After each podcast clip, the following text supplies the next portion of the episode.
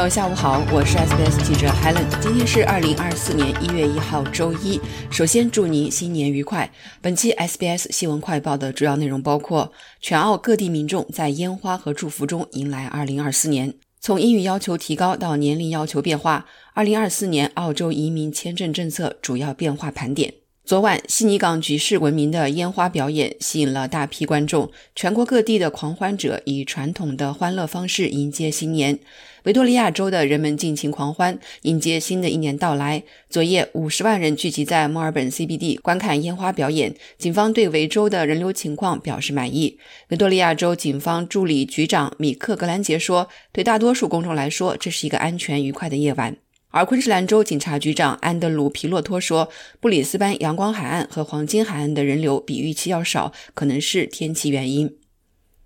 我们再来盘点一下2024年澳洲移民签证政策主要变化。在2023年底，阿尔巴尼斯政府已经公布了期待已久的移民制度改革战略，预计新的一年将有一些重大变化。该战略与内政部长 Claire O'Neil 于12月初发表，其中包括一系列新的承诺，主要集中在临时技术移民和国际教育方面。政府计划在2024年实施其中的许多措施，包括对学生和临时毕业生签证提出更严格的英语语言要求，以及为那些拥有紧缺技能的人提供新的签证。此前的一系列公告也将于今年生效，例如针对太平洋地区移民的新签证。政府已经概述了未来改革的领域，包括永久技术移民、偏远地区移民和打工度假者计划，并将在整个2024年就这些改革进行咨询。以下是 SBS 新闻目前了解到的情况。首先是政府希望通过移民战略实现哪些目标？根据政府年终预算更新中的预测，澳大利亚的净海外移民在2022至23财年达到峰值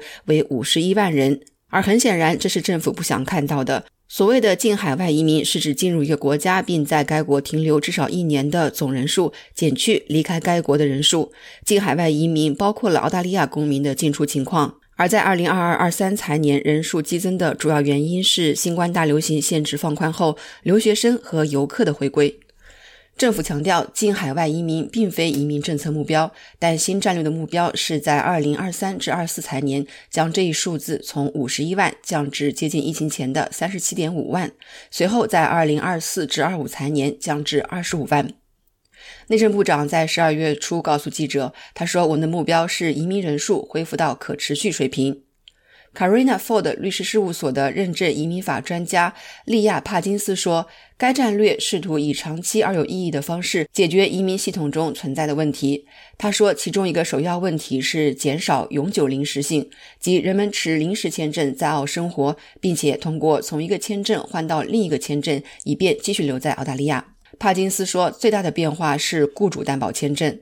政府正在推出一种新的四年期临时技术工人签证，并表示这将为工人提供更多更换雇主的机会，并为他们提供获得永久居留权的途径。一旦实施这种名为‘需求技能’及 ‘Skills in Demand’ 签证，将取代目前的临时技能短缺签证及 ‘Temporary Skills Shortage’。”子类别为四八二。该签证允许持有者在为担保雇主全职工作的同时居住在澳大利亚。根据政府新的和现有的承诺时间表，这将在二零二四年底实现。该签证将分为三种途径：第一种是加快高技能移民申请的专业技能途径，最初从事任何工作的收入至少达到十三点五万澳元的人都可以申请，但不包括技工、机械操作员、司机和体力工人。政府承诺，这一签证处理时间的中位数为七天。第二种核心技能途径将适用于大多数临时技术移民，他们的工作被列入新的核心技能职业清单。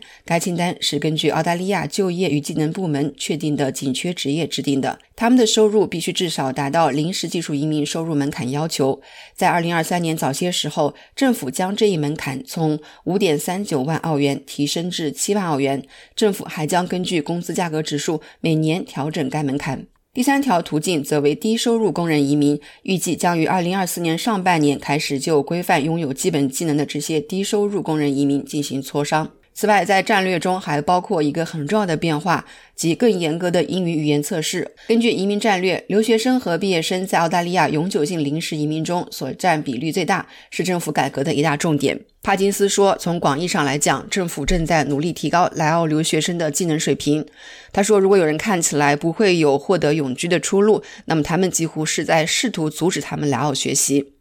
其他变化还包括了提高英语语言要求。从年初开始，申请学生签证的人将需要国际英语语言测试系统及雅思六点零分或同等的英语水平测试，如 PTE。而申请临时毕业生签证所需的英语成绩将从六分提高到六点五分。政府表示，这将提高学生的教育质量，减少潜在的职场剥削。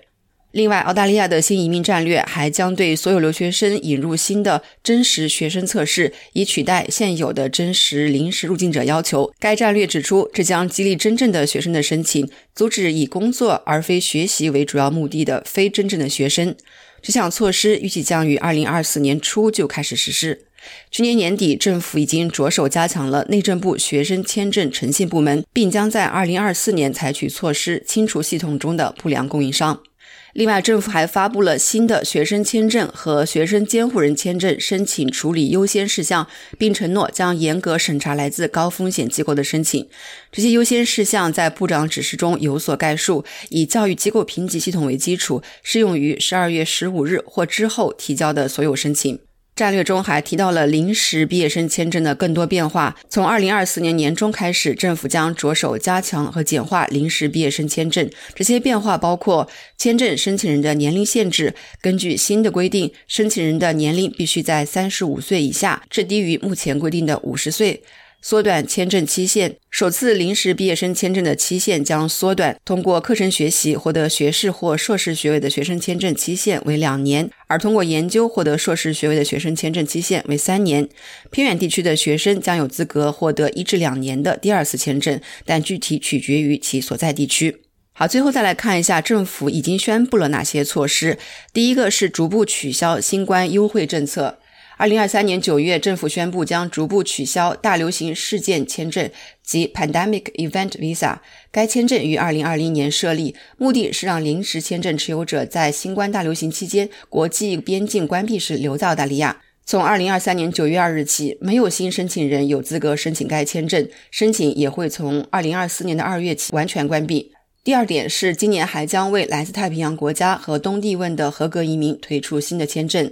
太平洋参与签证及所谓的 Pacific Engagement Visa 将使每年多达三千名来自参与国的国民能够作为永久居民移民到澳大利亚。参议院在十月份通过的立法将允许采用投票方式随机选取申请人。如果申请成功，他们将被要求满足某些标准，包括在澳大利亚有一份工作。移民部长安德鲁·加尔斯和国际发展与太平洋事务部长帕特·康洛伊在去年十月发表的一份声明中表示，一旦所有剩余的立法和行政安排获得批准，该计划将于二零二四年启动。第三点是优先处理保护签证申请人。十月，政府宣布了一项一点六亿澳元的一揽子计划，以帮助加强难民签证系统，因为一项审查发现，该系统正被用来延长人们在澳逗留的时间。其中包括五千四百万澳元用于建立保护签证申请的实时优先处理机制，以帮助打破那些滥用该系统的人的商业模式。好了，感谢收听本期的 SBS 新闻快报，我是记者 Helen。欢迎您在苹果播客或 Spotify 搜索“新闻快报”，点击订阅，开启消息提醒，即可了解澳洲国内外新闻及社区信息。